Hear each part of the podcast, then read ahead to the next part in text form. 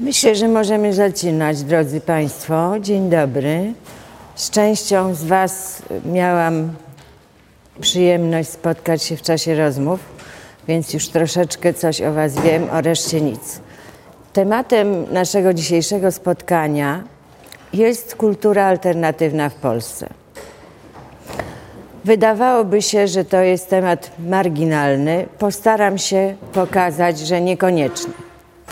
Ale po to, żebyśmy mogli mówić o tym, co dzisiaj się dzieje w kulturze alternatywnej w Polsce, tak jak ja ją rozumiem, musimy się cofnąć w czasie bardzo.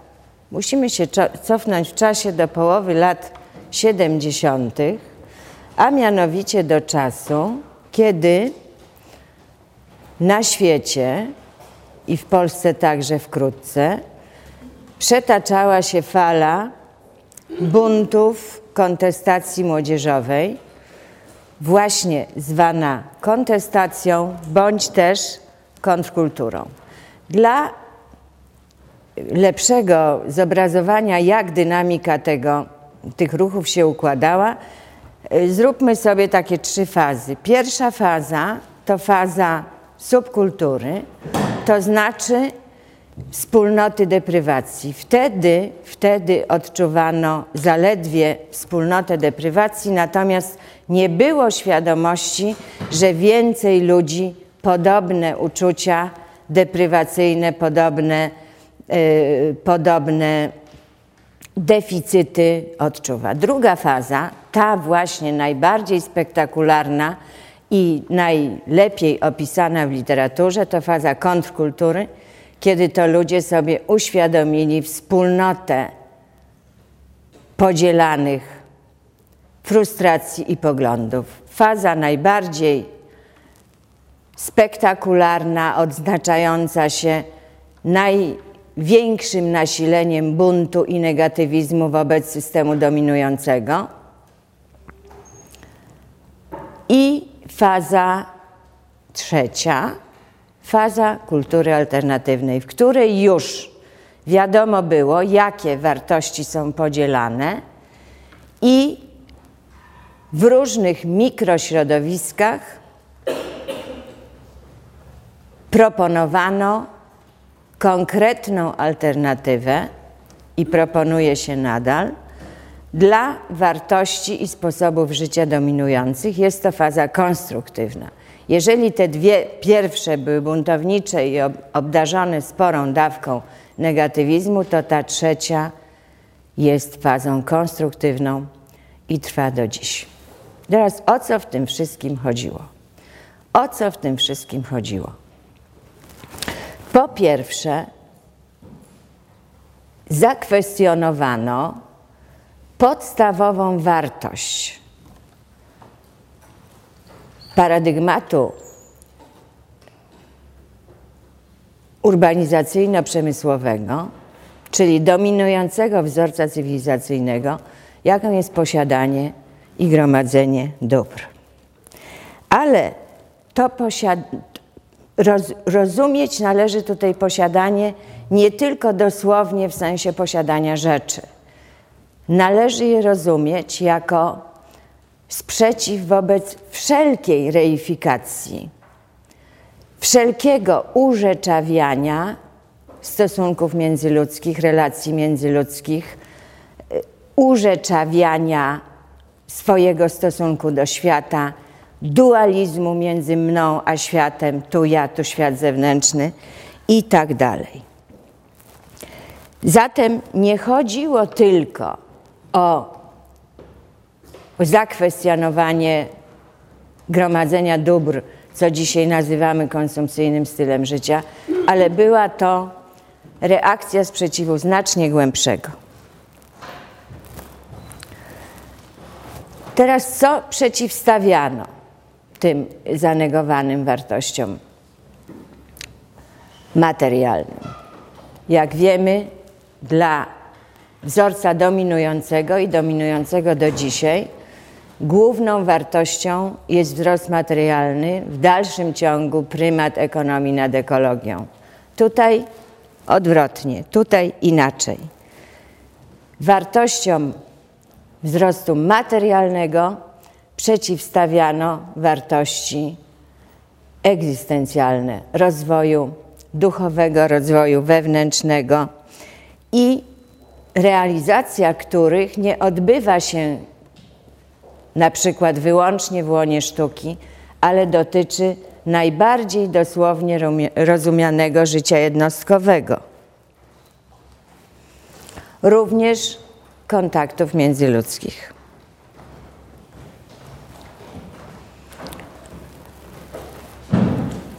Stąd wysokie wartościowanie wspólnoty.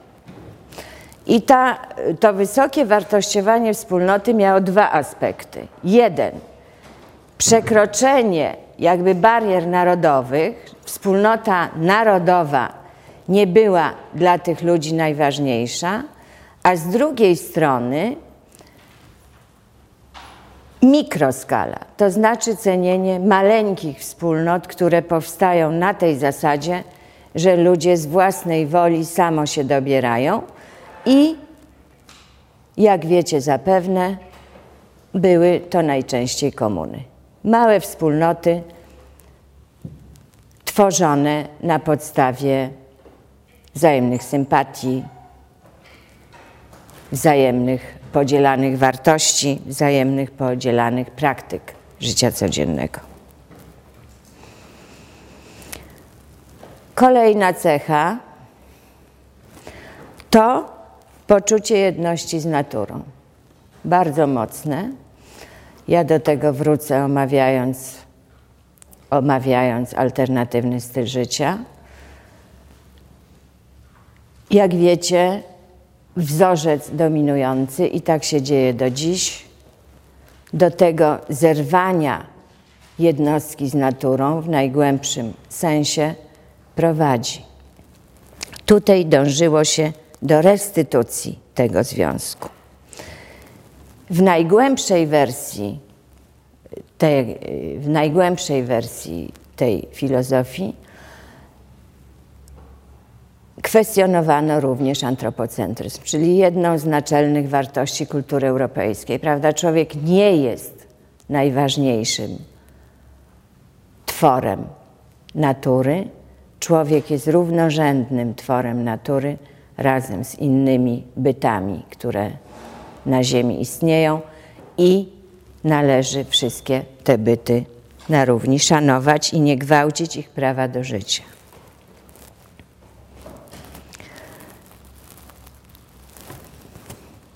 Jeżeli budowało się małe wspólnoty, to zakwestionowaniu również ulegała podstawowa wartość wielu społeczeństw, podstawowa komórka, rodzina, więzi, które się tworzyły między członkami wspólnot komunowych, były niejednokrotnie silniejsze, różne dotychczasowe związki się sypały i dobro wspólnoty przeważało nad dobrem pary.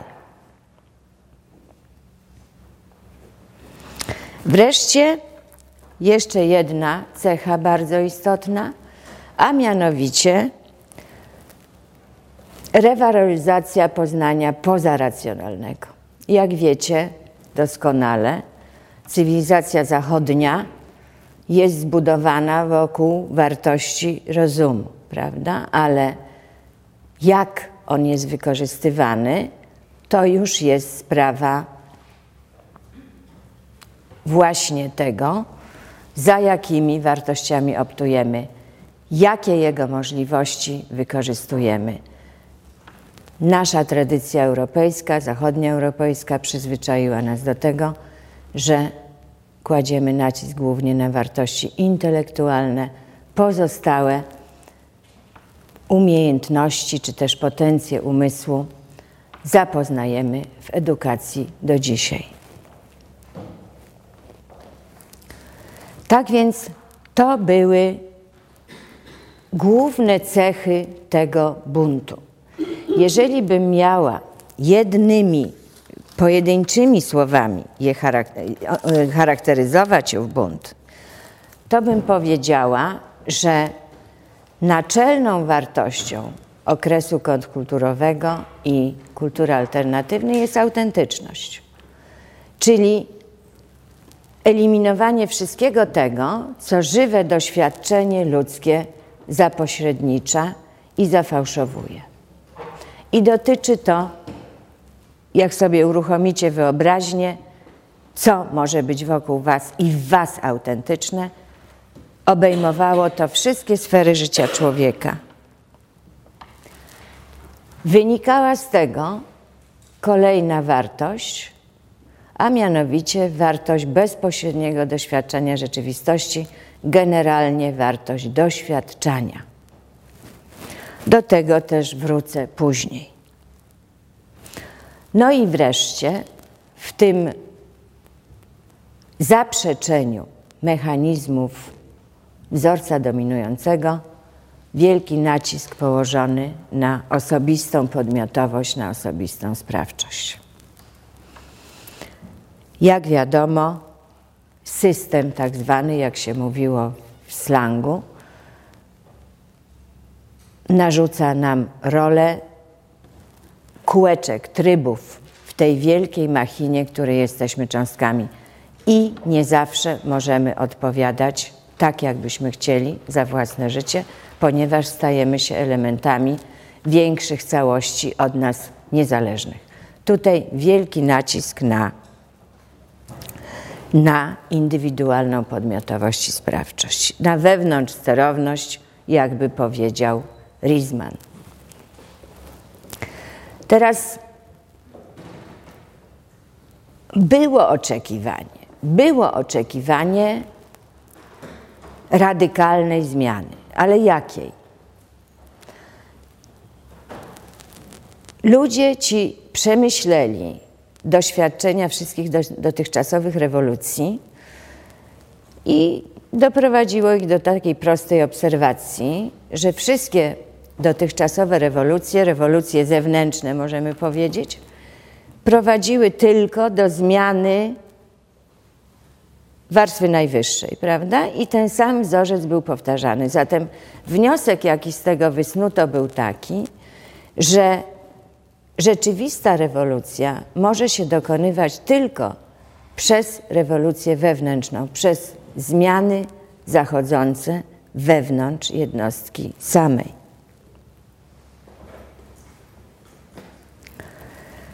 Nazwano to właśnie rewolucją wewnętrzną.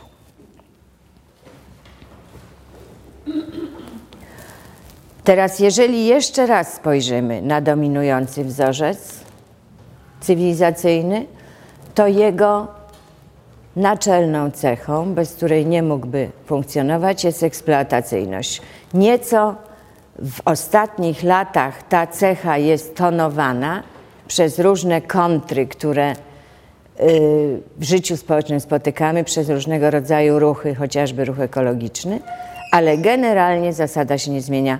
Tutaj zaprzeczenie tej, tej eksploatacyjności.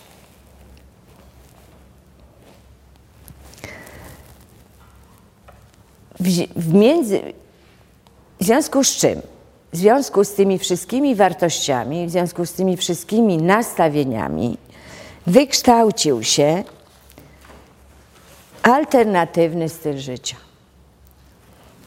Wykształcił się alternatywny styl życia.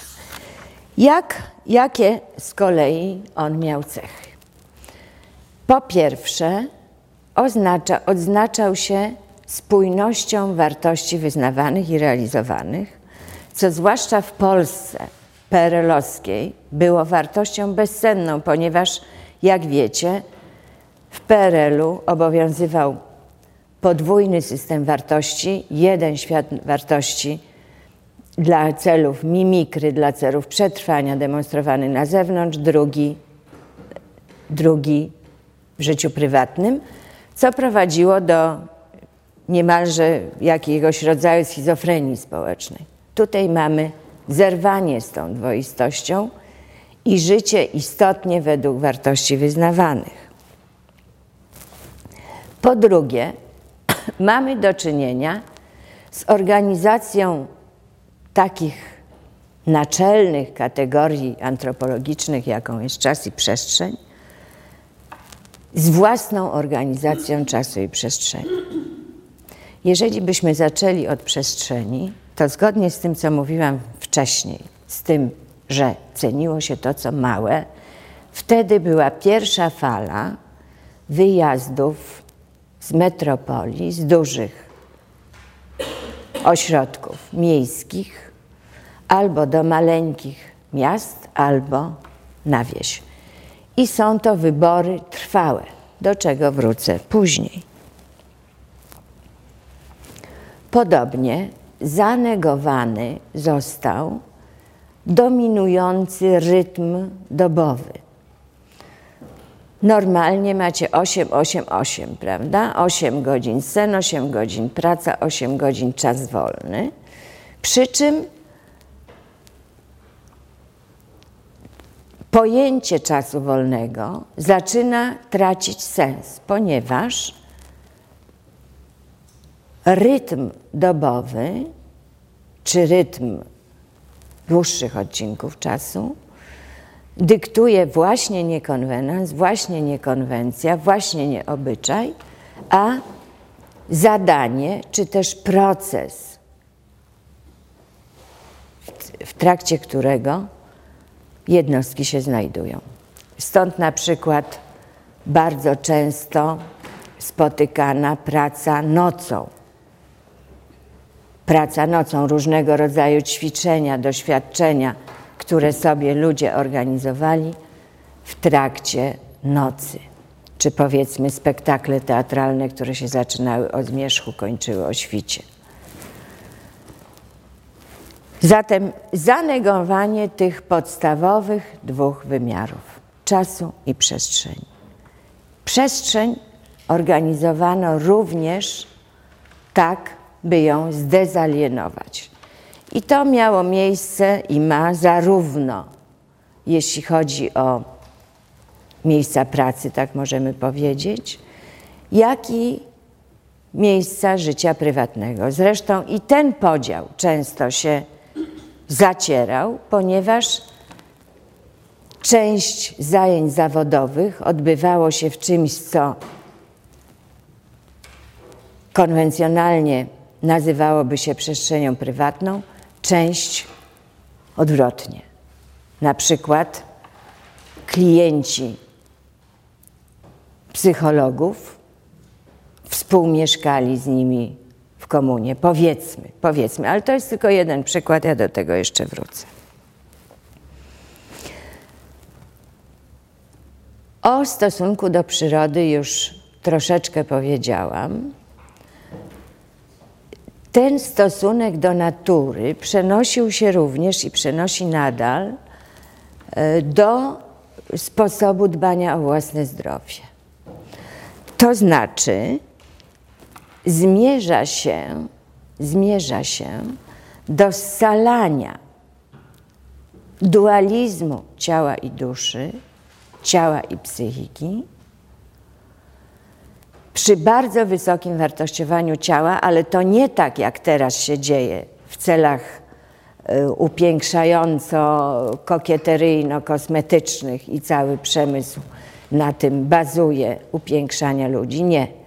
Ciało jako pas transmisyjny dla wartości duchowych, dla umiejętności, najpierw w ogóle umiejętności zauważenia w sobie, potem wyrażania ży życia duchowego. Zatem i ciało bardzo wysoko wartościowane, i życie duchowe bardzo wysoko wartościowane, ale nie w konflikcie pozostające, tylko w różnych formach współpracy, co rozwijano za pomocą też różnego rodzaju warsztatów, ćwiczeń, pracy nad sobą generalnie. Bardzo ważną czynnością czasu wolnego była, było samokształcenie.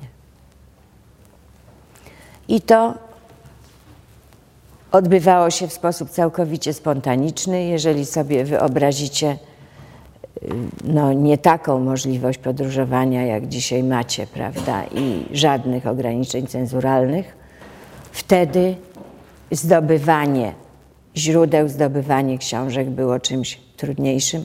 Odbywały się spontaniczne przekłady, wydawano własne wydawnictwa. Zaistniał tak zwany trzeci obieg. O drugim obiegu zapewne Państwo słyszeliście. To był obieg treści niedozwolonych przez cenzurę i w gruncie rzeczy publikacji politycznych. Natomiast trzeci obieg to był właśnie obieg literatury, którą może, możemy nazwać w cudzysłowie duchowej. Poszukiwań różnego rodzaju duchowych, różnych poszukiwań właśnie zdrowotnych. Na przykład jakieś wydawnictwa związane z medycyną wschodu i wszelkie praktyki z tym związane. Medycyna zachodnia czym się charakteryzuje? Charakteryzuje się przede wszystkim orientacją na likwidację objawu, jest analityczna, podczas gdy medycyna wschodnia jest zorientowana przede wszystkim na likwidację przyczyny i jest holistyczna, zajmuje się całym organizmem jednostki. A więc takie na przykład sposoby dbania o swoje zdrowie, diety już pomijam, bo diety to jest e, wręcz banalna rzecz, ale wtedy właśnie się zaczęła wielka faza, pierwsza wegetarianizmu w Polsce i różnych innych diet, w tym na przykład makrobiotycznej, która jest jeszcze bardziej rygorystyczna niż, niż dieta wegetariańska. Wszystko w celu przywrócenia, przywrócenia zerwanej więzi jednostki z naturą. Jeśli chodzi o sferę religii, to znowu bardzo wysoko wartościowane, jak już mówiłam wielokrotnie, życie duchowe, ale, ale zerwanie z religią zinstytucjonalizowaną, zhierarchizowaną, znowu ze wszelkiego rodzaju formami zapośrednienia, zapośredniczenia doświadczenia religijnego, by nie rzec mistycznego, i stąd wielkie zainteresowanie religiami wschodu i pierwsze wspólnoty buddyjskie w powojennej Polsce, które zaczęły powstawać. Dlaczego buddyzm? Ano właśnie dlatego, że nie jest to, powiedziałabym, szkoła życia duchowego, która niesie ze sobą ogrom instytucji, hierarchii, obrzędu, obrzędowości, generalnie dekoracyjności, tylko polega na bezpośrednim doświadczeniu religijnym. Co jeszcze, co jeszcze? Y, w późniejszych latach, w późniejszych latach, kiedy już poszczególni członkowie środowiska, powiedziałabym, okrzepli w swoich poszukiwaniach duchowych i w swoich praktykach duchowych, można było myśleć o resakralizacji życia, ale na własny sposób, przy budowaniu własnych rytuałów. No i uczestnictwo w kulturze. Uczestnictwo w kulturze za przeczenie uczestnictwa w kulturze masowej, w kulturze popularnej.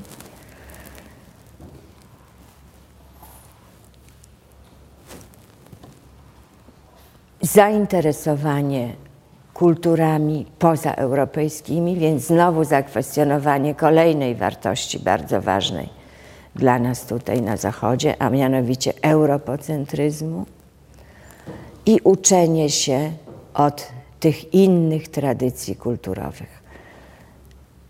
Powszechne było sprowadzanie wówczas z odległych nawet bardzo części świata zespołów rdzennych, jak na przykład wielka tradycja teatru indyjskiego katakali, czy rdzenne teatry japońskie no, czy kabuki, najstarszy teatr, prawda, japoński no.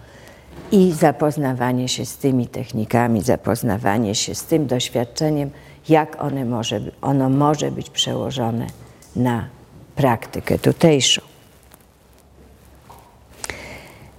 Przy tym zaprzeczeniu uczestnictwa w kulturze masowej, jeżeliście bywali w takich domach, y, bardzo rzadko, właściwie prawie nigdy nie było telewizora. Z technicznych urządzeń, które służą uczestnictwu w kulturze, tylko sprzęt muzyczny. Natomiast bardzo dużo mogliście spotkać instrumentów żywych, w tym sporo instrumentów tradycyjnych. Mogliście spotkać różne rodzaje urządzeń, bym powiedziała, które służą do uprawiania różnego rodzaju rzemiosł. Do dziś pod Olsztynem, gdzie jest jedna z takich najstarszych wspólnot alternatywnych. To nie znaczy, że ci ludzie żyją w komunie, ale decyzje w czasie były podejmowane mniej więcej równolegle i utworzyła się tam całkiem spora zbiorowość alternatywna, która do dziś tam żyje. Do dziś odbywa się dwukrotnie w roku festiwal zarazem Kiermasz, który się nazywa Ręką Dzieło. Ręką Dzieło. I rzeczywiście są to różne przykłady rękodzieła, na przykład, na przykład kalendarze, notesy, książeczki z papieru czerpanego, robione, robionego ręcznie. No różne takie. Przy czym oczywiście wszystkie dziergowania, jakieś kowalstwa, nie kowalstwa, no wszystko, co możecie sobie wyobrazić, co można robić zimą, kiedy nie ma jakichś pilnych prac polowych w domu. Myślę, że generalnie Wam ten styl scharakteryzowałam i rodzaj potrzeb, które się za nimi kryły. Przede wszystkim, przede wszystkim ogromny głód wartości duchowych. Jeżeli popatrzycie na pracę, zresztą silnie cenzurowane nad młodzieżą tego okresu, na przykład książka Bogdana pod książka autorstwa Aldony Jawłowskiej i Bogdana Gotowskiego, która wyszła w 99 egzemplarzach. Nie wiem, czy wiecie, ale wtedy można było coś wydać poza obiegiem cenzury, jeżeli było książką naukową, właśnie w takim fantastycznym nakładzie. Do 100 egzemplarzy. Ponieważ wizerunek, który się wyłaniał, był bardzo dla władz niekorzystny. Pokazywał ogromną frustrację młodzieży i ogromne jej właśnie wygłodzenie duchowe. Teraz jeszcze zobaczmy, czego ja Wam jeszcze nie powiedziałam. No dobrze, nie powiedziałam, jakie funkcje były tego stylu życia, prawda? Tego Wam nie powiedziałam. W najgłębszym sensie reedukacyjne i w najgłębszym sensie dezalienacyjne. Były i są. Teraz, jeżeli po jednej stronie wartości negatywnych postawimy alienację, wyobcowanie, to po drugiej stronie stawiamy zakorzenienie. Zatem, jeżeli rozważamy funkcję alternatywnego stylu życia, to jedną z jego funkcji było właśnie zakorzenianie.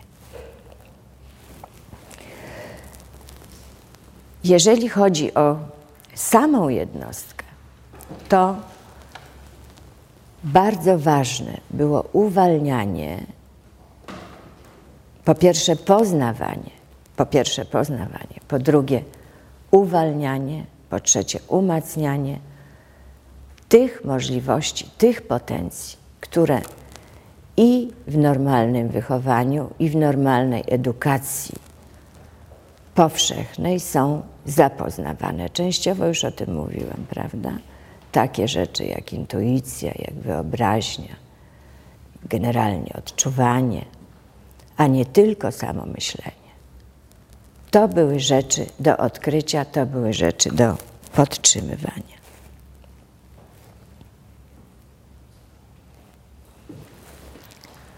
No i wreszcie, do czego on samo, do czego on jeszcze socjalizował i socjalizuje nadal? Do samorealizacji. Proste, do samorealizacji. Ale oczywiście nie takiej, która miałaby w jakikolwiek sposób naruszać dobro innego człowieka. To jest bardzo ważne.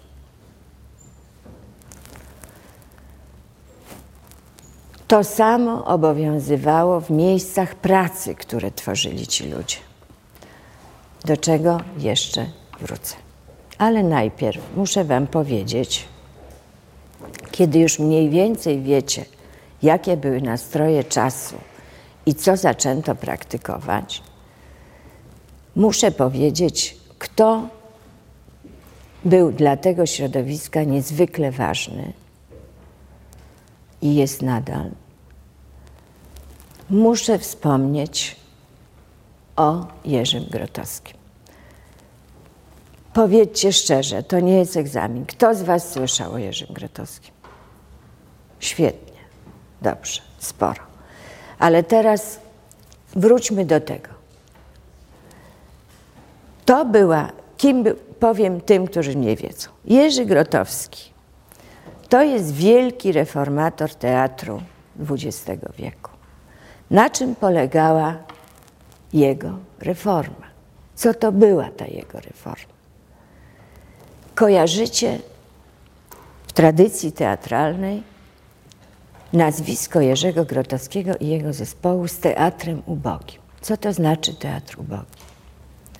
To znaczy, jak Grotowski w jednym sformułowaniu nazywał redukcja do człowieka, w innym sformułowaniu, kiedy mówił o środkach, które do tego prowadzą, via negativa, a mianowicie eliminowanie wszystkiego, eliminowanie wszystkiego, co aktorowi, z czasem termin aktor został zarzucony, co człowiekowi przeszkadza w ekspresji jego świata duchowego.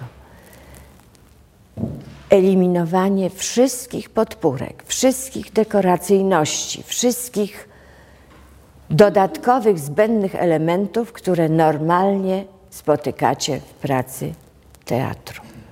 Zostawał sam człowiek, jego bycie. I teraz, jeżeli popatrzycie na młodzież tamtego okresu, to ona trafia na taki moment w rozwoju zespołu Jerzego Grotowskiego, kiedy on daje ostatni spektakl, ucieleśnienie jego idei teatru ubogiego. Ten spektakl nazywał się Apokalipsis cum figuris, gdzie główną rolę ciemnego, to była taka apoteoza jakby tragicznej historii Chrystusa, postać główna nazywa się Ciemny. Grał go najwspanialszy aktor, ucieleśnienie idei Grotowskiego, teatru ubogiego, Ryszard Cieślak. Wszystko, wszystko zostało wyeliminowane. Widz siedział na podłodze między aktorami, akcja toczyła się między, między widzami, żadnej możliwości ucieczki, żadnej możliwości schowania się nawzajem. Nawzajem. Widz przestawał być widzem. Widz stawał się świadkiem czego? nie spektaklu, wydarzenia egzystencjalnego. I takie właśnie pytania ten ostatni spektakl wywoływał. Jak ja żyję? To najważniejsze pytanie. Ludzie pielgrzymowali do Wrocławia, ponieważ zarówno Teatr Laboratorium, jak później Instytut Laboratorium, za chwileczkę powiem, na czym różnica polegała, mieścił się we Wrocławiu. Ludzie pielgrzymowali, żeby tego szoku poznawczego, tego, tego doświadczenia doznać.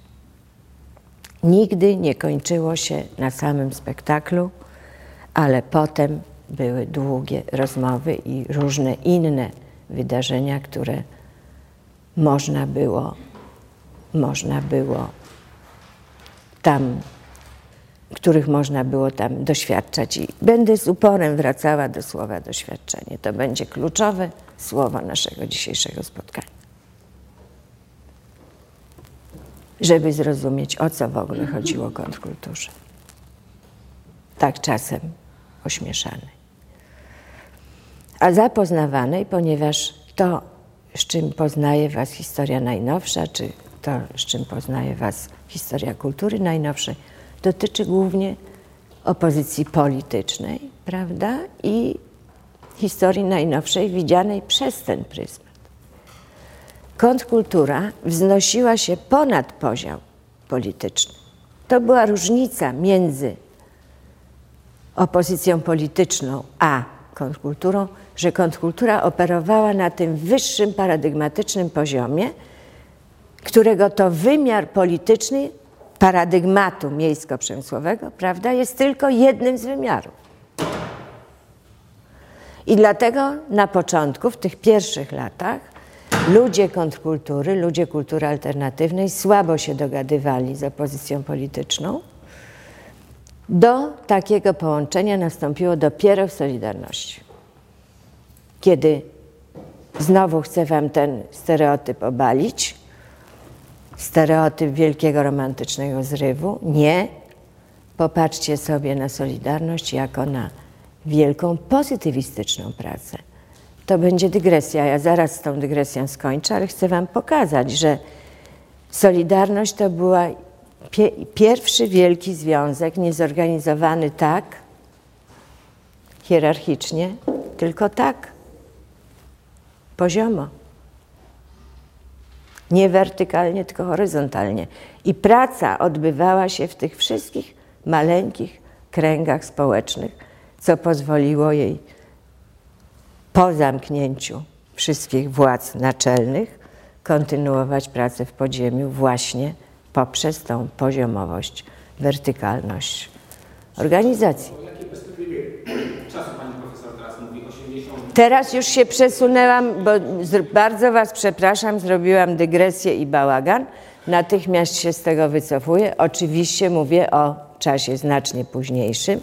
Mówię o czasie 80-81, kiedy to oba nurty, i kontrkulturowy, i opozycji politycznej, spotkały się razem w Solidarności, a potem w stanie wojennym mogły kontynuować swoje działania między innymi właśnie dzięki tej strukturze.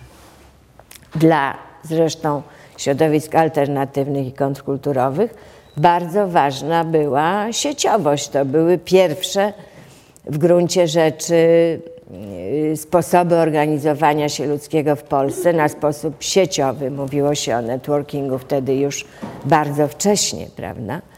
Kiedy większość sposobów organizowania się na scenie publicznej miała właśnie charakter wertykalny. Podczas gdy w sieci macie odpowiedzialności rozłożone w zależności od zadania, odpowiedzialności wędrujące. I tak też wiele inicjatyw alternatywnych przebiegało właśnie w tym, w tym e, networkingowym trybie. I teraz dobrze, już Przepraszam, zamykam dygresję i wracam do naszego głównego wątku, jak się pisze pięknie w rękopisie znalezionym w Saragosie, pisze Potocki. I tu cygan powiedział, wracamy do naszych baranów albo wracamy do spraw naszej trzody. No więc nasza trzoda to są środowiska alternatywne w Polsce. I teraz wyobraźcie sobie, że w te nastroje i w te potrzeby trafia Grotowski, który kończy działalność spektaklową, zamyka teatr i powołuje na miejsce teatru laboratorium Instytut Laboratorium. Instytut Laboratorium, który staje się miejscem praktykowania poszukiwań egzystencjalnych, kulturowych, rozwoju duchowego poprzez różne, różne zajęcia, które, cykle zajęć, które tam były oferowane. To się dzieje od połowy lat 70., ale teraz wracamy jeszcze na chwilę troszeczkę wcześniej. I chcę Wam teraz przeczytać fragmenty jednego tekstu, który spowodował, że takie tłumy młodych ludzi zaczęły się ubiegać o możliwość uczestniczenia w stażach, praktykach, zajęciach Instytutu Laboratorium. Ten tekst nazywa się Święto. To jest tekst Grotowskiego. Niektóre słowa umarły, mimo że ich jeszcze używamy. Są takie, które umarły nie dlatego, że należałoby je zastąpić innymi, ale dlatego, że umiera to, co oznaczają. Tak jest przynajmniej dla wielu z nas. Do takich słów należy spektakl, przedstawienie, teatr, widz itd. A co jest potrzebne? Co żyje? Przygoda i spotkanie, nie byle jakie. Aby stało się to, co pragniemy, by się z nami stało, a później by się stało także z innymi pośród nas. Co nam do tego potrzebne? Na początek aby było miejsce i swoi. A później, żeby przyszli także nieznani swoi. Czyli na początek, by nie być w tym samemu, a później, abyśmy nie byli w tym sami. A co to znaczy swoi? To ci, którzy oddychają tym samym powietrzem i można by powiedzieć, podzielają nasze zmysły. Podzielają nasze zmysły. Co jest możliwe wspólnie? Co jest możliwe wspólnie? Święto. I teraz chcę Wam jeszcze, ten tekst jest dzisiaj bardzo trudno dostępny, w związku z czym chcę jeszcze parę fragmentów tego tekstu Wam przeczytać. Ci ludzie, którzy dwa tysiące lat temu chodzili po okolicach Nazaretu, zresztą byli oni młodzi, o czym zapomniano, a tradycja widzi ich od razu jako starców, mówili różne dziwne rzeczy i nieraz zachowywali się nierozsądnie, ale w powietrzu unosiła się potrzeba porzucenia siły, porzucenia wartości panujących i poszukiwania wartości innych, na których można by budować życie bez kłamstwa. Powtarzam raz jeszcze, że w tamtej epoce przybrało to postać zjawiska religijnego ale jeżeli ośmieliłem się odwołać do tamtej chwili, to po to, by podkreślić, że przy całej odmienności to, co się dzieje w naszym wieku, nie przytrafia się po raz pierwszy i że nie jesteśmy pierwszymi, którzy trwają w poszukiwaniu. A jeżeli trwa się w poszukiwaniu, to są rzeczy, których nie sposób robić z czystym sumieniem. Na przykład wyjść na podwyższenie i udawać, grać tragedię albo komedię, aby otrzymać oklaski, gorliwie dzień po dniu zabiegać, by nie stracić angażu, pchać się w światła rampy, szukać kurczowo kogoś, kto nas wylansuje. Jeżeli wyczuwamy, że to jałowe, to już nieźle, bo sytuacja staje się mniej fałszywa, ale czyha na nas tysiąc możliwości ucieczki i w istocie ucieczki od życia. Na przykład, zamiast zająć się polityką, politykować w teatrze. To oczywista ucieczka. Zamiast ujawnić siebie, jakim się jest do końca, spożytkować nagość i seks jako pornografię. To gorzej niż, nie niż ucieczka. Przykłady można mnożyć. Można wymyślić nową filozofię, rzucić nowe nazwiska, głosić nowe metody, uprawiać pewnego rodzaju ćwiczenia i jakąś dietę makrobiotyczną. To jest zawsze znaleźć dla siebie co innego, jakiś pozór. W tym strachu, który się łączy z brakiem sensu, rezygnujemy z życia i zaczynamy pilnie umierać. Szablon zajmuje miejsce życia, a zmysły zrezygnowane oswajają się z nijakością. Co pewien czas buntujemy się, ale w istocie tylko dla pozoru. Robimy jaką wielką awanturę, jakiś skandal, nie za ostry na ogół, coś, co jest dostatecznie banalne, ale by mogło być przez innych przyjęte ze zrozumieniem, więc na przykład upijamy się do nieprzytomności. Ta skorupa, ta otoczka, pod którą kamieniejemy, staje się już naszym istnieniem. Twardniejemy i stajemy się zatwardziali i zaczynamy nienawidzić każdego, kim kołacze się jeszcze iskierka życia. To nie jest jakaś sprawa duchowa, to ogarnia wszystkie nasze tkanki i coraz większy jest strach przed czyimś dotknięciem albo przed ukazaniem siebie.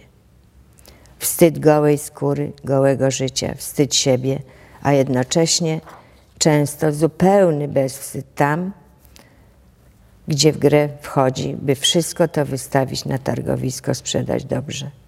Już nie kochamy siebie samych, nienawidząc innych, próbujemy uleczyć ten brak miłości. I jeszcze jeden fragment. Wszyscy jesteśmy kuszeni, i ja także, przez owo magiczne słowo otworzyć się. Mówiłam, prawda? Ale jeżeli powiadamy otworzyć się, ponownie znajdujemy się na linii tej wiele tysięcy lat liczącej tradycji, która mimo wszystkie swoje zwycięstwa i całą płodność okalecza, że mianowicie człowiek dzieli się na to, co wewnętrzne i zewnętrzne, na umysł i ciało.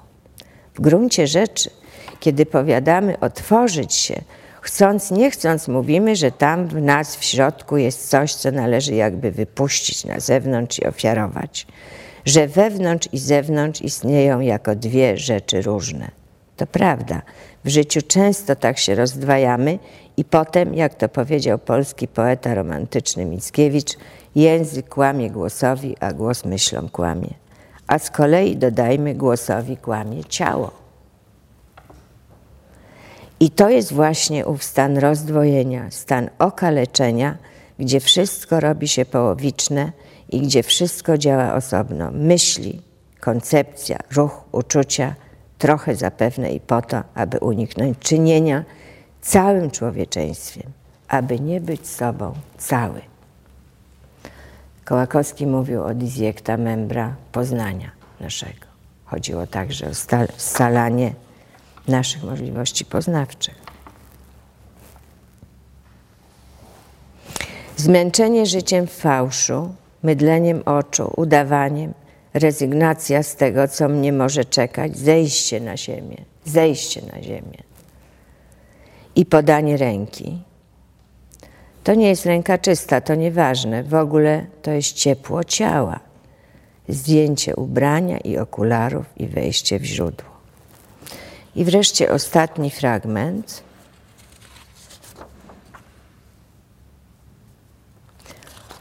Jeszcze przedostatni.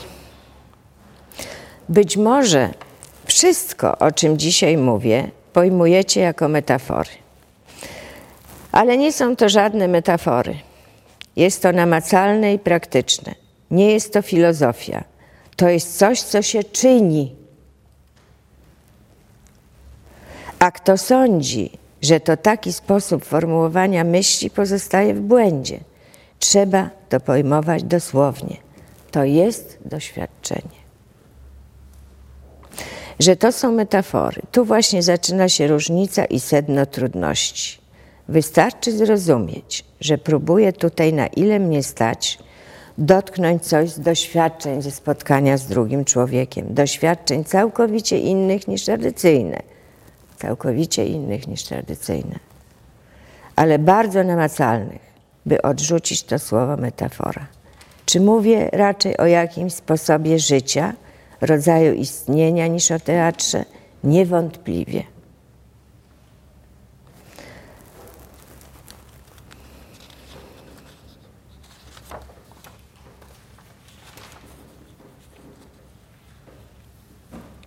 Ale to, co w życiu najistotniejsze, owe pytanie, jakie niektórzy spośród Was mogą uznać za abstrakcyjne, jest doprawdy wielkiej wagi. I nikt nie będzie szczęśliwy, wypierając się poszukiwania. Wielu ludzi odmawia, czują się zobowiązani uśmiechać, ale czemu są tak smutni? Może z czymś się w życiu minęli? Może tego jedynego pytania, jakiego nale jakie należy sobie postawić, nigdy sobie nie postawili. Trzeba je postawić, a odpowiedź? Odpowiedzi niepodobna sformułować. Można ją tylko uczynić. Znowu widzicie? Nie słowa. Uczynić. Zaraz jeszcze do tego wrócę.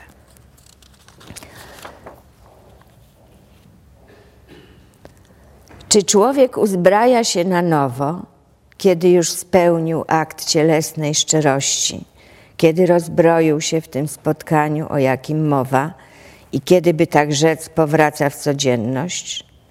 By się przybliżać do niemożliwego, trzeba być jakoś realistą. Czy w życiu można nie ukrywać się? Jest lepiej, jeśli się nie ukrywamy, ale wyobraźcie sobie sytuację, w której wy odrzucicie wszelkie sposoby ukrywania się, a inni nie. Może trzeba zacząć od pewnych szczególnych miejsc. Tak jest. Sądzę, że jest palącą potrzebą mieć takie miejsca, gdzie się nie ukrywamy i jesteśmy, jacy jesteśmy, we wszelkich możliwych znaczeniach. Czy wynika z tego, że pozostajemy w błędnym kole? Inaczej życie tu, inaczej życie tam? Nie. Myślę, że to jednak wyjdzie poza miejsce, o którym mowa, wyjdzie przez mały otwór, przez szparę, na swój sposób. Potrzebny jest początek, gdzieś, kiedyś. A więc zaczyna się od pewnego miejsca, zaczynamy, oto mamy miejsce, a dalej. No i wreszcie koniec. Bardzo często lubicie używać przedrostka współ. Współbyć, współżyć, współwyjść itd. Temu współ można nadawać bardzo różne znaczenia.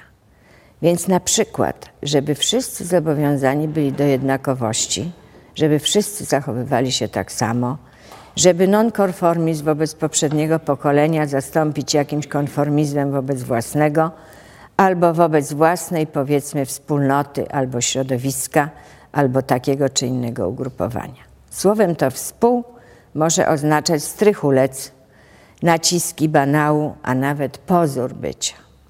Ale to współ może oznaczać coś zupełnie innego.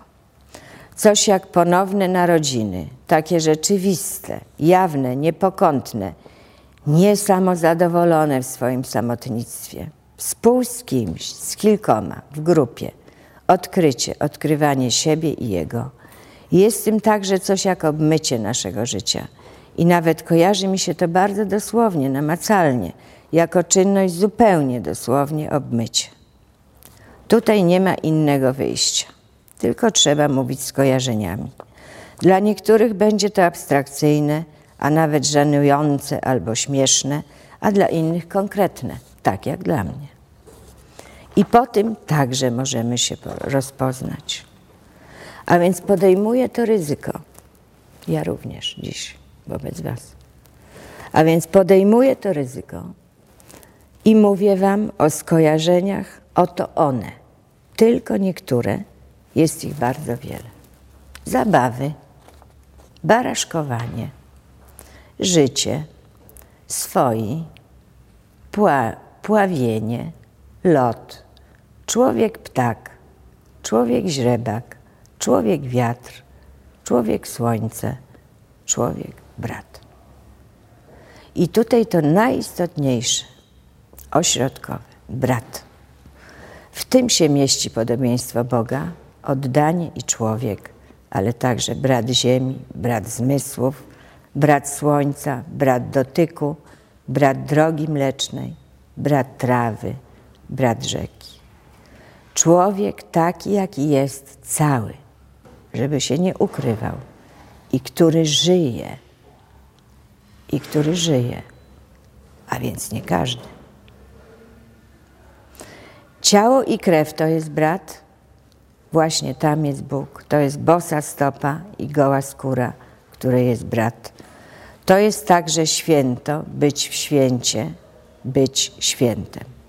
To wszystko nieodłączne jest od spotkania rzeczywistego, pełnego, w którym człowiek nie kłamie sobą i cały w nim jest, gdzie nie ma już tego lęku, tego wstydu siebie, który rodzi kłamstwo i ukrywanie się, a sam jest własnym dziadkiem, ponieważ sam się rodzi z kłamstwa i ukrywania. W tym spotkaniu człowiek nie odmawia siebie i nie narzuca siebie. Daje się dotknąć i nie pcha się ze swoją obecnością. Idzie naprzeciw i nie boi się czyichś oczu. Cały. To tak, jakby się mówiło sobą.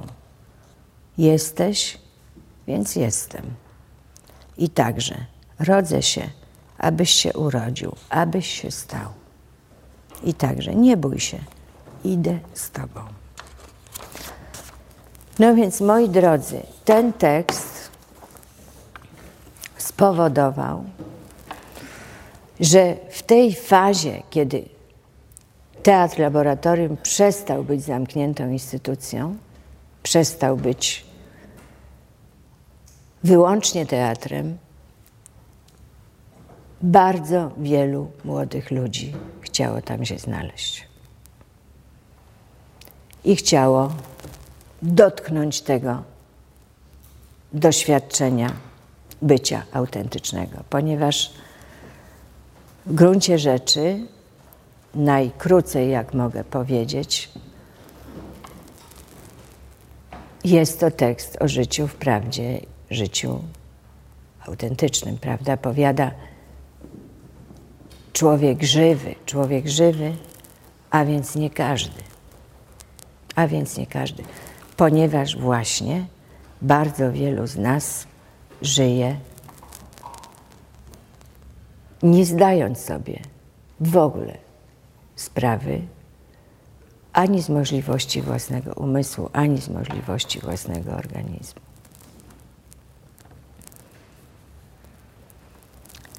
I do momentu opuszczenia przez Grotowskiego Polski w stanie wojennym, gdzie się przeniósł z Polski najpierw krótko do Paryża, do, trochę do Stanów, potem już pracował do końca życia we Włoszech, te zajęcia były oferowane. Teraz z czym, z czym ta oferta, można powiedzieć, że był to rodzaj oferty, powtarzam, Pan mnie kontroluje, będę do tego wracała, jesteśmy w połowie lat 70., ciągle jeszcze, w drugiej połowie lat 70., z czym się ta oferta spotykała? Otóż ta oferta spotykała się z jednym z najważniejszych dla polskiej kontrkultury środowisk, a mianowicie ze środowiskiem psychoterapeutycznym. Młodego pokolenia psychologów, których jeszcze wtedy jeszcze wtedy sam termin psychoterapeuta nie był rozpowszechniony. W Warszawie były dwie komuny, złożone głównie ze studentów bądź już absolwentów psychologii, czasem się zdarzył psychiatra. I ci ludzie właśnie dokonali z pomocą swojego nauczyciela akademickiego, ówczesnego, e, który pracował na Uniwersytecie Warszawskim, Kazimierza Jankowskiego, psychiatry, przekształcenia treści studiów psychologicznych w kierunku psychologii humanistycznej.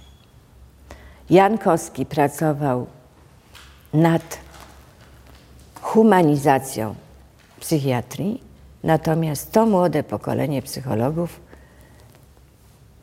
poprzez najpierw lektury, potem przez wszystkie zajęcia pierwsze przeprowadzane na sobie samych, potem już oferowanych innym ludziom, przeprowadziło tę zmianę ku psychologii humanistycznej na Wydziale Psychologii Uniwersytetu Warszawskiego.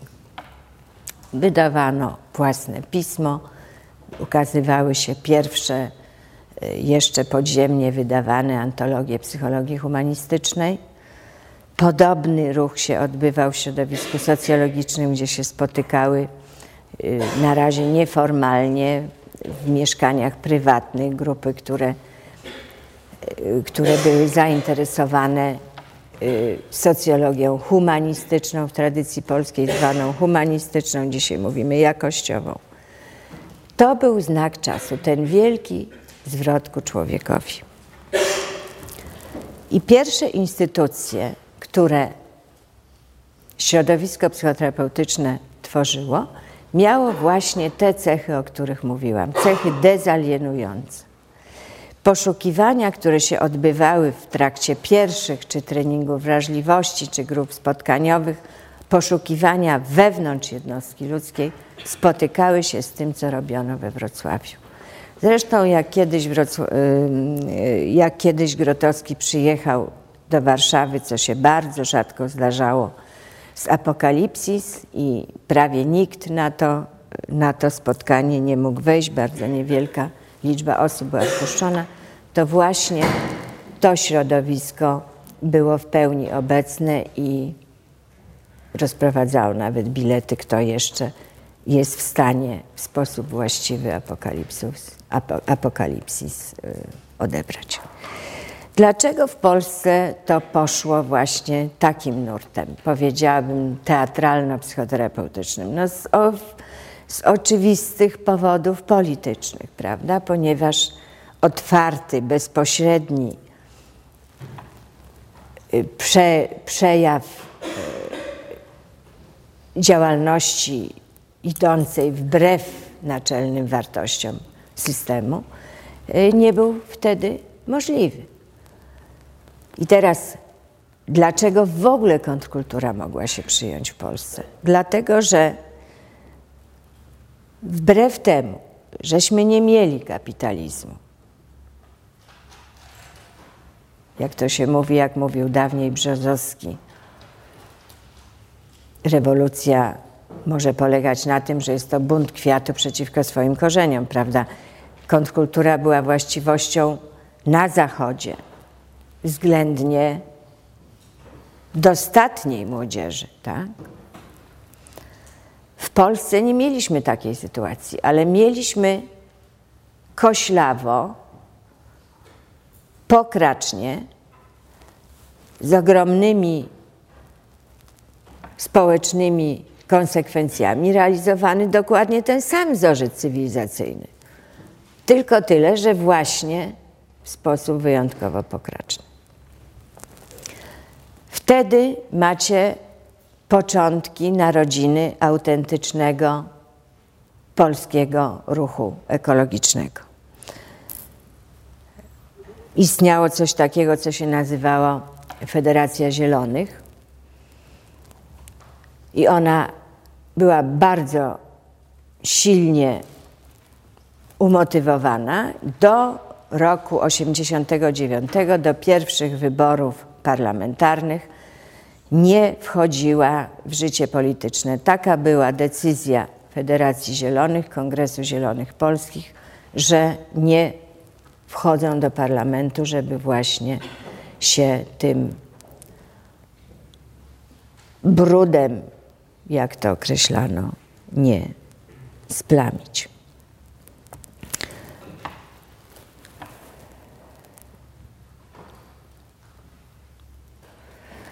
Teraz, gdybyśmy dokonali skoku w czasie i pomyśleli sobie, co dzisiaj. jeszcze muszę wrócić do jednego terminu bardzo ważnego, który był w tym okresie ukuty też przez Grotowskiego, a jak czas pokazał, okazał się niezwykle nośny. Mianowicie jest to termin kultura czynna. W ogóle cały ten okres otwarcia laboratorium niektórzy autorzy nazywają okresem kultury czynnej. Nigdzie w żadnych pismach Grotowskiego nie znajdziecie definicji kultury czynnej. Kiedyś w jednym wywiadzie telewizyjnym, który, co też była wielka rzadkość, bo on raczej z mediami nie lubił przestawać, nie szukając absolutnie rozgłosu w żadnym sensie, ale kiedyś przyciśnięty do mulu powiedział kultura czynna, czyli to, co normalnie nazywa się twórczością. Żebyście tutaj nie zrobili y, pewnej pomyłki, drodzy Państwo. Twórczością, nie sztuką. Twórczością. Jeszcze inaczej mówiąc, twórczy stosunek do życia, praktykowanie różnych rodzajów twórczości, ale także postawa bycia twórczym człowiekiem. Bez względu na to, jakiej dziedziny życia to dotyczy i jaką dziedzinę życia czy zawodu praktykujemy na co dzień. Chodzi właśnie o to twórcze nastawienie niebierne, nie poddawanie się. Znowu wrócę do kategorii Rizmanowskich. Mogliśmy, moglibyśmy powiedzieć wewnątrz sterowność, prawda? Mówiłam o podmiotowości, mówiłam o sprawczości. Wewnątrz sterowność w takim wymiarze również. I teraz chcę Wam parę słów opowiedzieć krótko, krótko, bo bardzo mi zależy jeszcze na tym, żeby jeszcze raz wrócić do święta, ale powiem Wam o kilku środowiskach, które są w gruncie rzeczy ufundowane na idei kultury czynnej.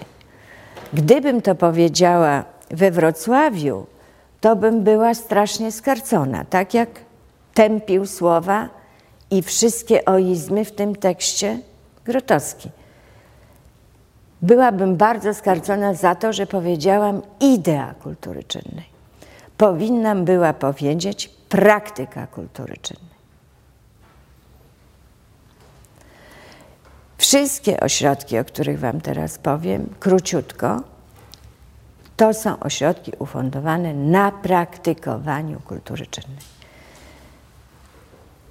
I wszystkie osoby, które są animatorami tych ośrodków miały w jakiejś fazie swojego życia kontakt z Grotowskim. Żadna, żadne z tych środowisk nie ogranicza się do pracy czysto artystycznej, nie obraca się wyłącznie w obrębie sztuki. Jedno środowisko to powstała w 1991 roku w Sejnach Fundacja Pogranicze Sztuk Kultur Narodów. Kto słyszał? Świetnie. Nie muszę więcej mówić. Polecam gorąco stronę internetową, polecam gorąco historię fundacji. To są ludzie, którzy Krzysztof Czyżewski i jego żona Małgorzata, Wojciech Schroeder i Bożena Schroeder, drugie małżeństwo, to są ludzie, którzy zawędrowali, tak jak mówiłam Wam wcześniej.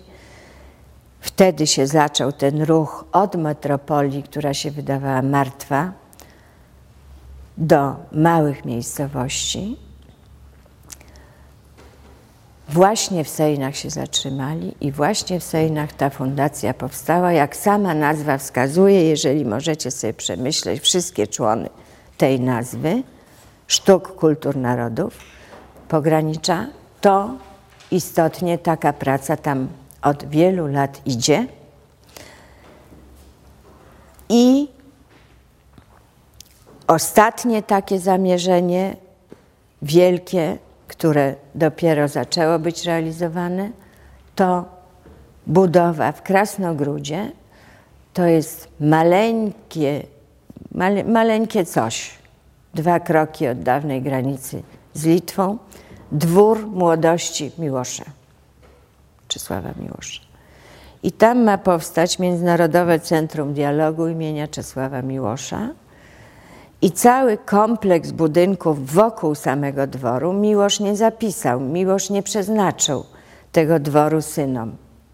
Właśnie jego marzeniem było, żeby mogło objąć ten dwór pogranicze i prowadzić swoje prace tam. I tak się też stało. Zresztą mógł do, na szczęście, ostatnich chwil swojego życia obserwować postępy projektu i pomysłów, jak poszczególne obiekty y, czym będą wypełnione.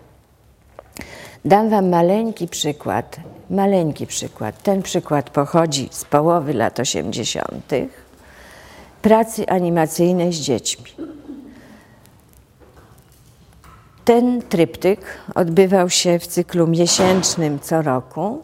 Nazywał się Dom Gniazdo Świątynia.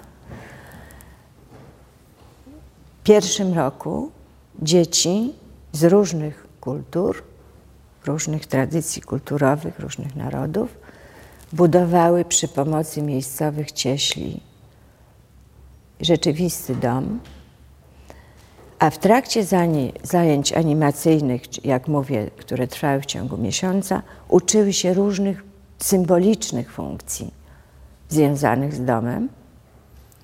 I na końcu ten dom urządzały i dekorowały wspólnie. Gniazdo polegało na budowaniu wspólnie wielkiego gniazda, też symbol prawda, zamieszkiwania wspólnie. No i jedna z moich ulubionych czyli świątynia. Polegało to znowu na takiej samej strukturze grupy dzieci z różnych tradycji religijnych, z różnych narodów, budowały wspólnie na wzgórzu świątynię przy pomocy też miejscowych cieśli. Nawet odlewały samodzielnie dzwon.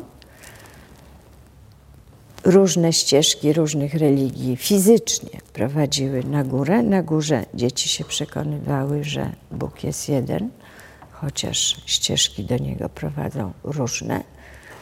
I w ten oto jeszcze co robiły, powstała taka wspaniała księga modli, którą do dzisiaj można oglądać w pograniczu. Jest ona zachowana, gdzie dzieci pisały i rysowały i malowały różne modlitwy, tak jak im to dusza dyktowała. Ten cykl dzisiaj jest jedną z podstaw takiej szkoły y, dla nauczycieli pogranicza, którzy muszą uczyć, y, którzy chcą uczyć problematyki pogranicznej. Taką szkołę pogranicze prowadzi. Nie mam czasu, żeby nawet o samym pograniczu Wam opowiedzieć. Tyle jest tam działań i tak wspaniały dorobek do dnia dzisiejszego.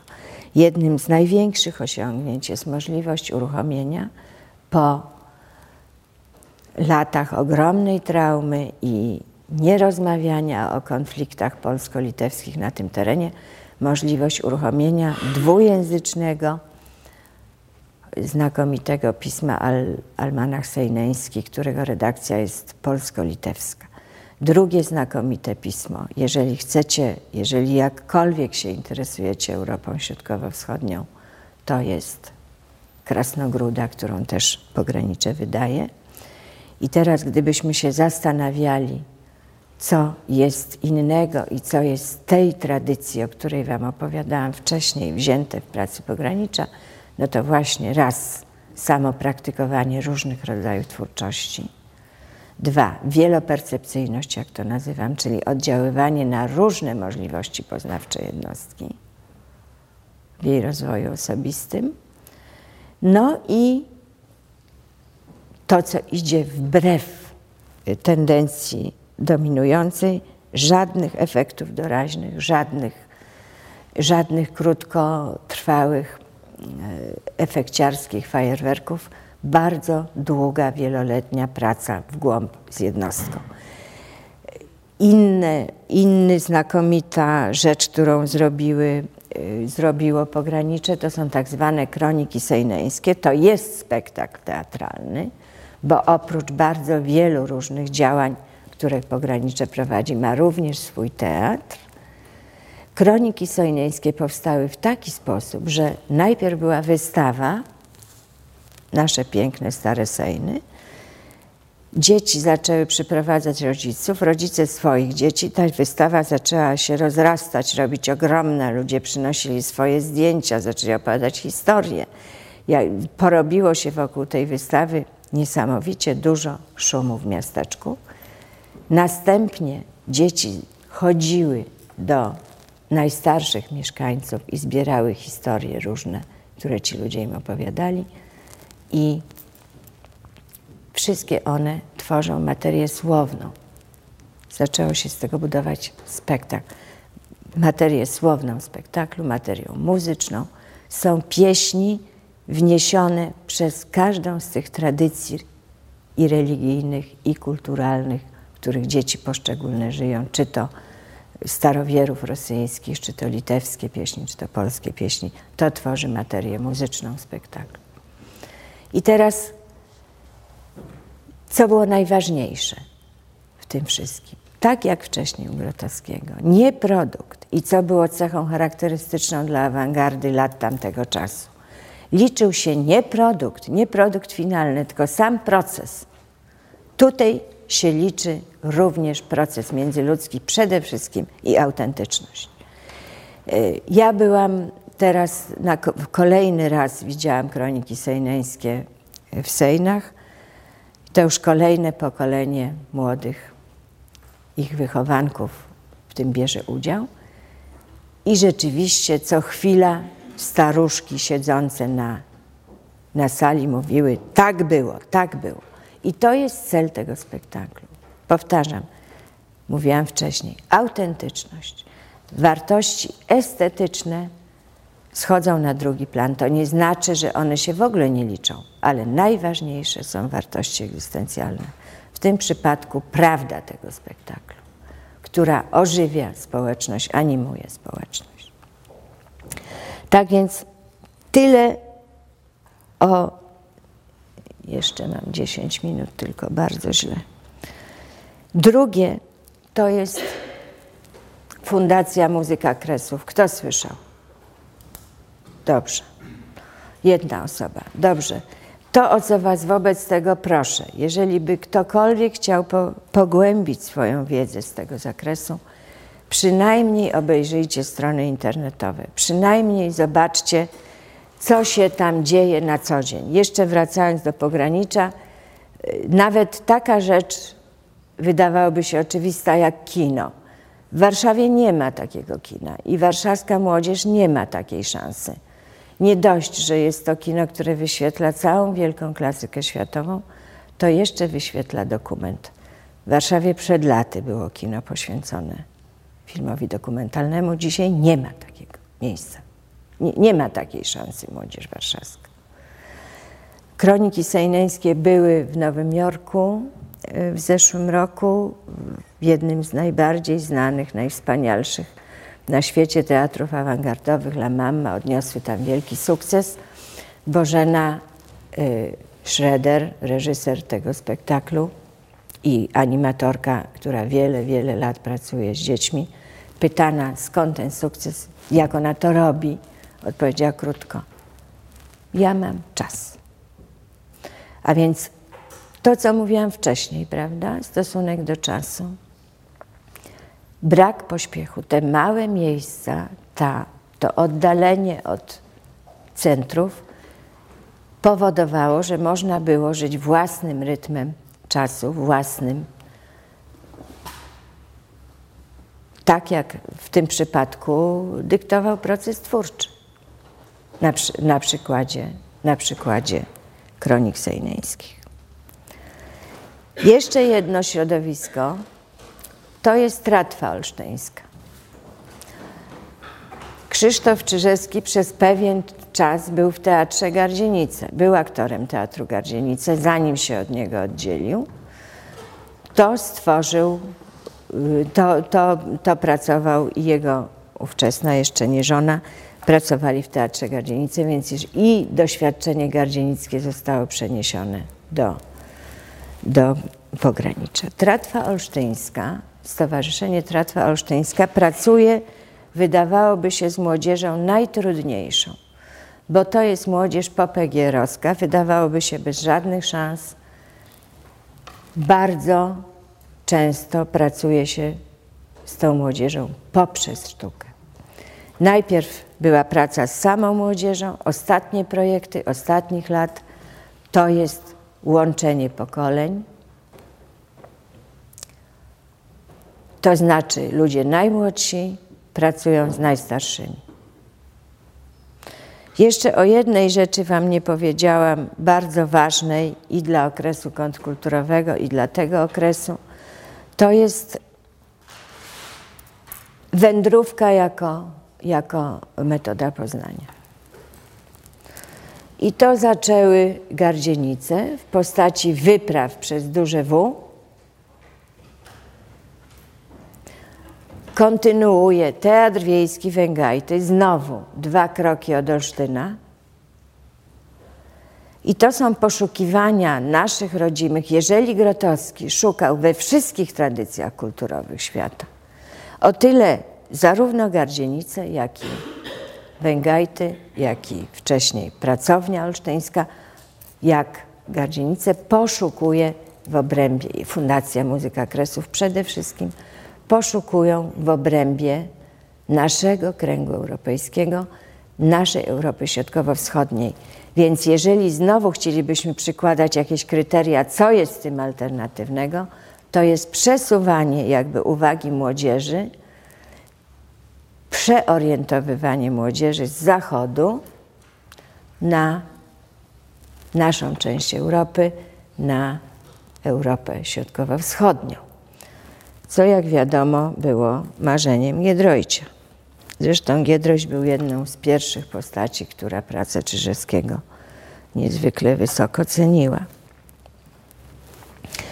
Co prowadzi Teatr Wiejski Węgajty? Teatr Wiejski Węgajty prowadzi między innymi projekt terenowy, który z kolei prowadzi inną szkołę teatralną. Inna szkoła teatralna, nie bez powodu tak się nazywa, albowiem nie uczą się tutaj ludzie różnych technik, różnych sposobów grania na scenie, ale polega to na uczestniczeniu, czynnym uczestniczeniu w poszczególnych fazach roku liturgicznego, ściśle zgranych z cyklami przyrody, to znaczy na przykład e, obrzędy alilujkowe, obrzędy e, zapustne, e, kolędowanie. I dochodzi do takich absurdów, że na przykład ludność łemkowska, gdzie przyjeżdżają z kolędowaniem, nagrywa sobie własne kolendy po to, żeby móc już potem je samodzielnie śpiewać, odtwarzać.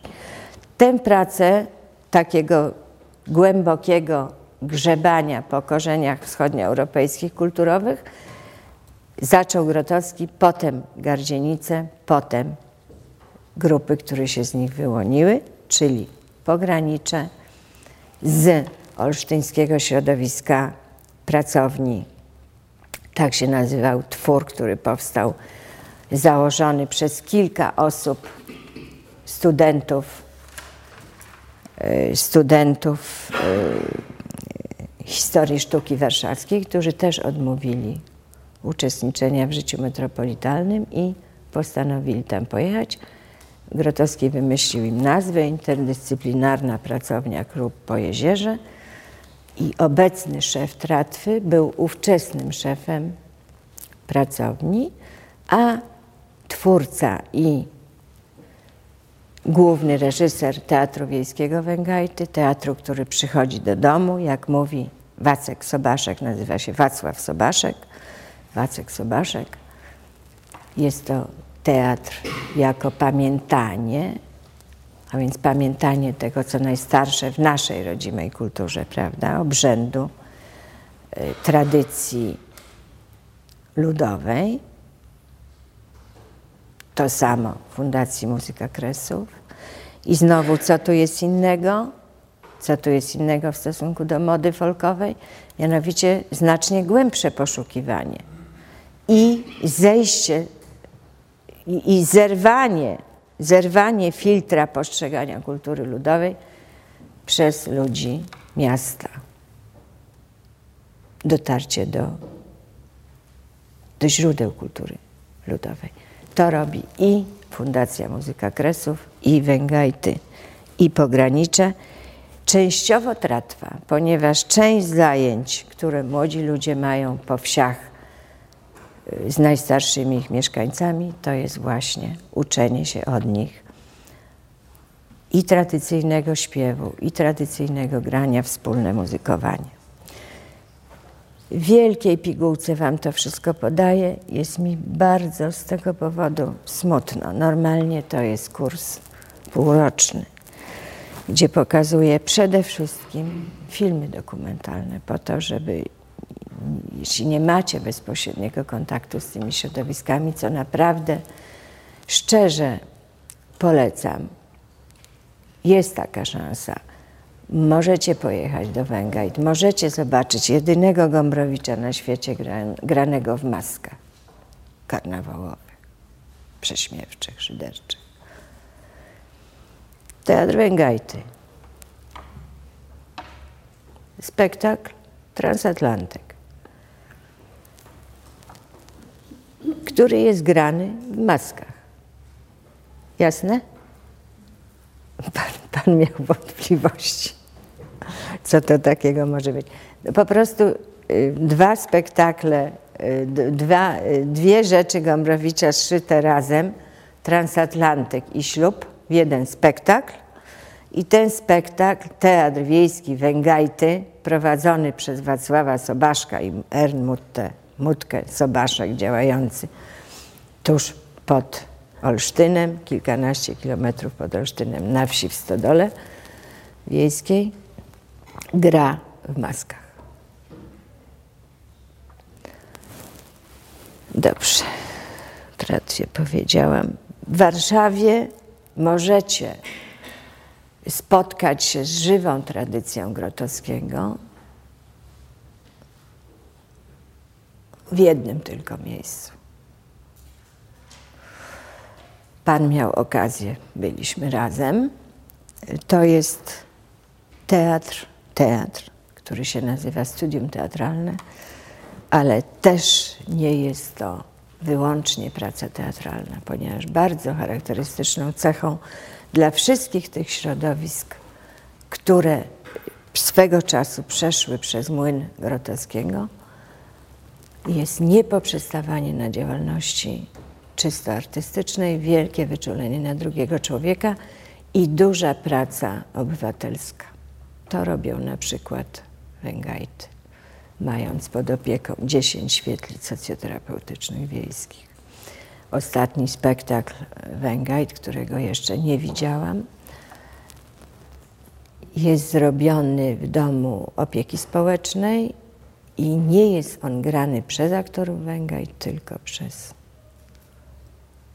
mieszkańców tego domu, a więc znowu podtrzymywanie tej samej zasady. Pamiętajcie, nie chodzi o wartości estetyczne, chodzi o proces egzystencjalny, który można w człowieku uruchomić, który daje takie lub inne konsekwencje twórcze. Jeżeli odblokujesz człowieka, jeżeli pokażesz mu, drogę, to on może bardzo wiele. Sztuka staje się wtedy nie produktem, nie spektaklem.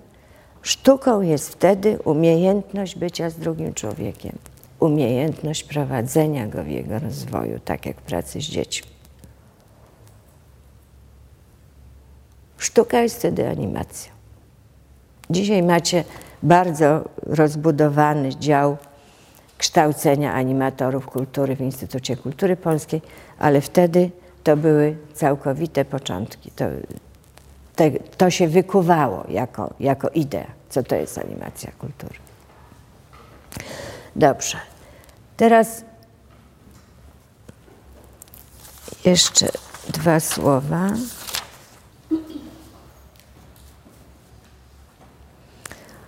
Teraz co jeszcze jest z tej tradycji zachowane? jak w przypadku pogranicza, jak w przypadku, jak w przypadku Węgajt, jak w przypadku Tratwy, nie macie edukacji realizowanej wyłącznie przez słowo, prawda? Zresztą roli słowa w tych środowiskach można by poświęcić osobny wykład, ponieważ ono nigdy nie jest nośnikiem najważniejszym. Ono doświadczenia doznane opracowuje, ono pozwala umysłowi, umysłowi ogarnąć te doświadczenia. Natomiast nigdy nie jest wiodące, nigdy nie mówimy tutaj o werbalizmie. Zatem, jeżeli mówię o tych środowiskach w ten sposób, to nie mówimy o głoszeniu idei wielokulturowości, tylko mówimy o praktykowaniu wielokulturowości po prostu. To jest zupełnie coś innego. To jest zupełnie coś innego. Na pewno słyszeliście o małych ojczyznach, no to też Krzysztof Czyżewski jest wynalazcą tego pomysłu. Dobrze. Jeszcze inna cecha bardzo charakterystyczna dla wszystkich tych środowisk to jest łączenie kultury wysokiej z niską. E, jeden z koncertów e, zespołu stworzonego przez Fundację Muzyka Kresów odbywał się dwa lata temu w Koneserze warszawskim w ramach warszawskiej jesieni e, muzyki współczesnej festiwal, prawda?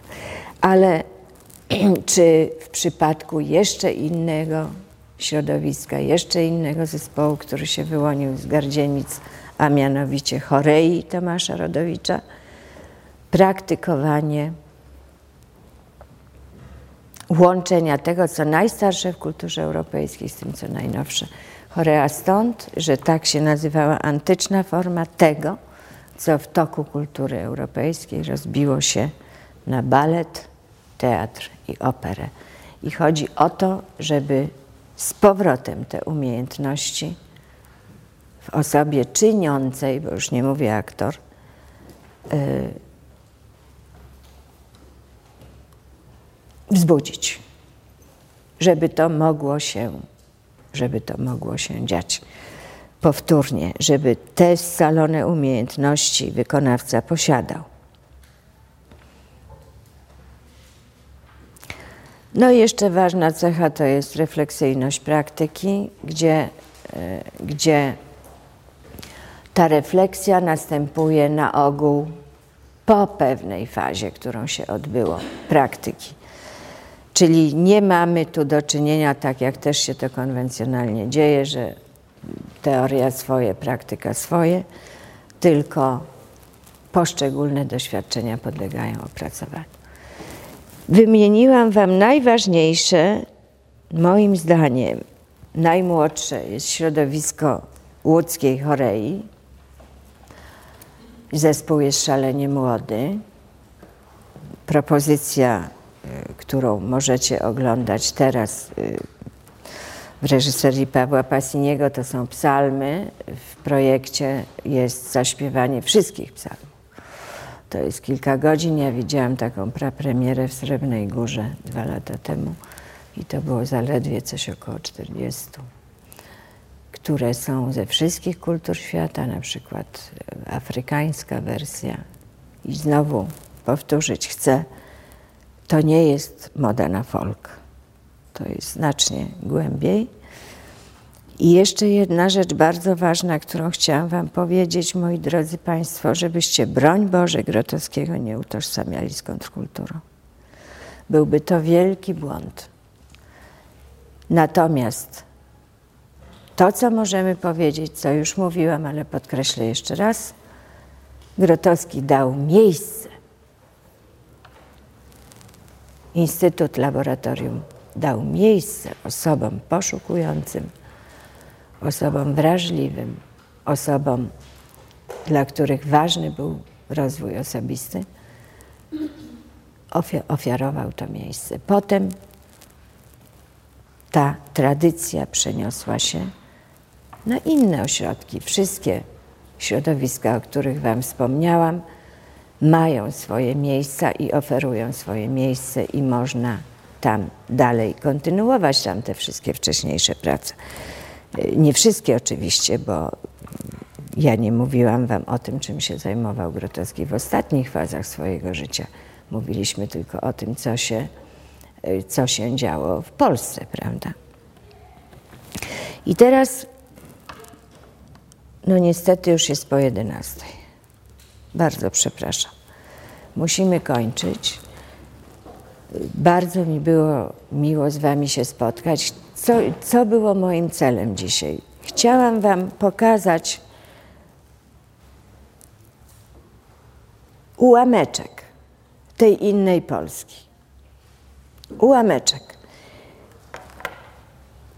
Do Was należy zastanowienie się, czy ta inna Polska ma jakiekolwiek szanse.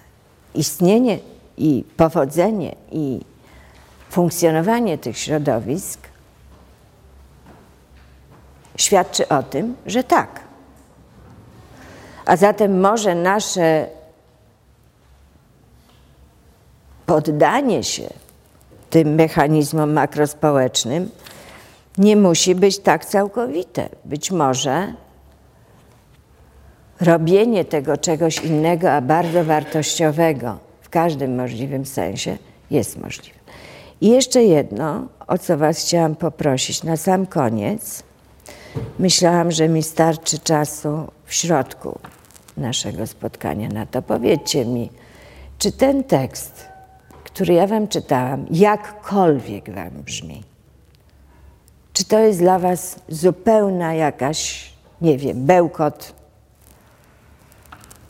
Czy ten tekst Grotowskiego cokolwiek, czy cokolwiek znajdujecie tutaj wspólnego ze swoim własnym doświadczeniem? Tak.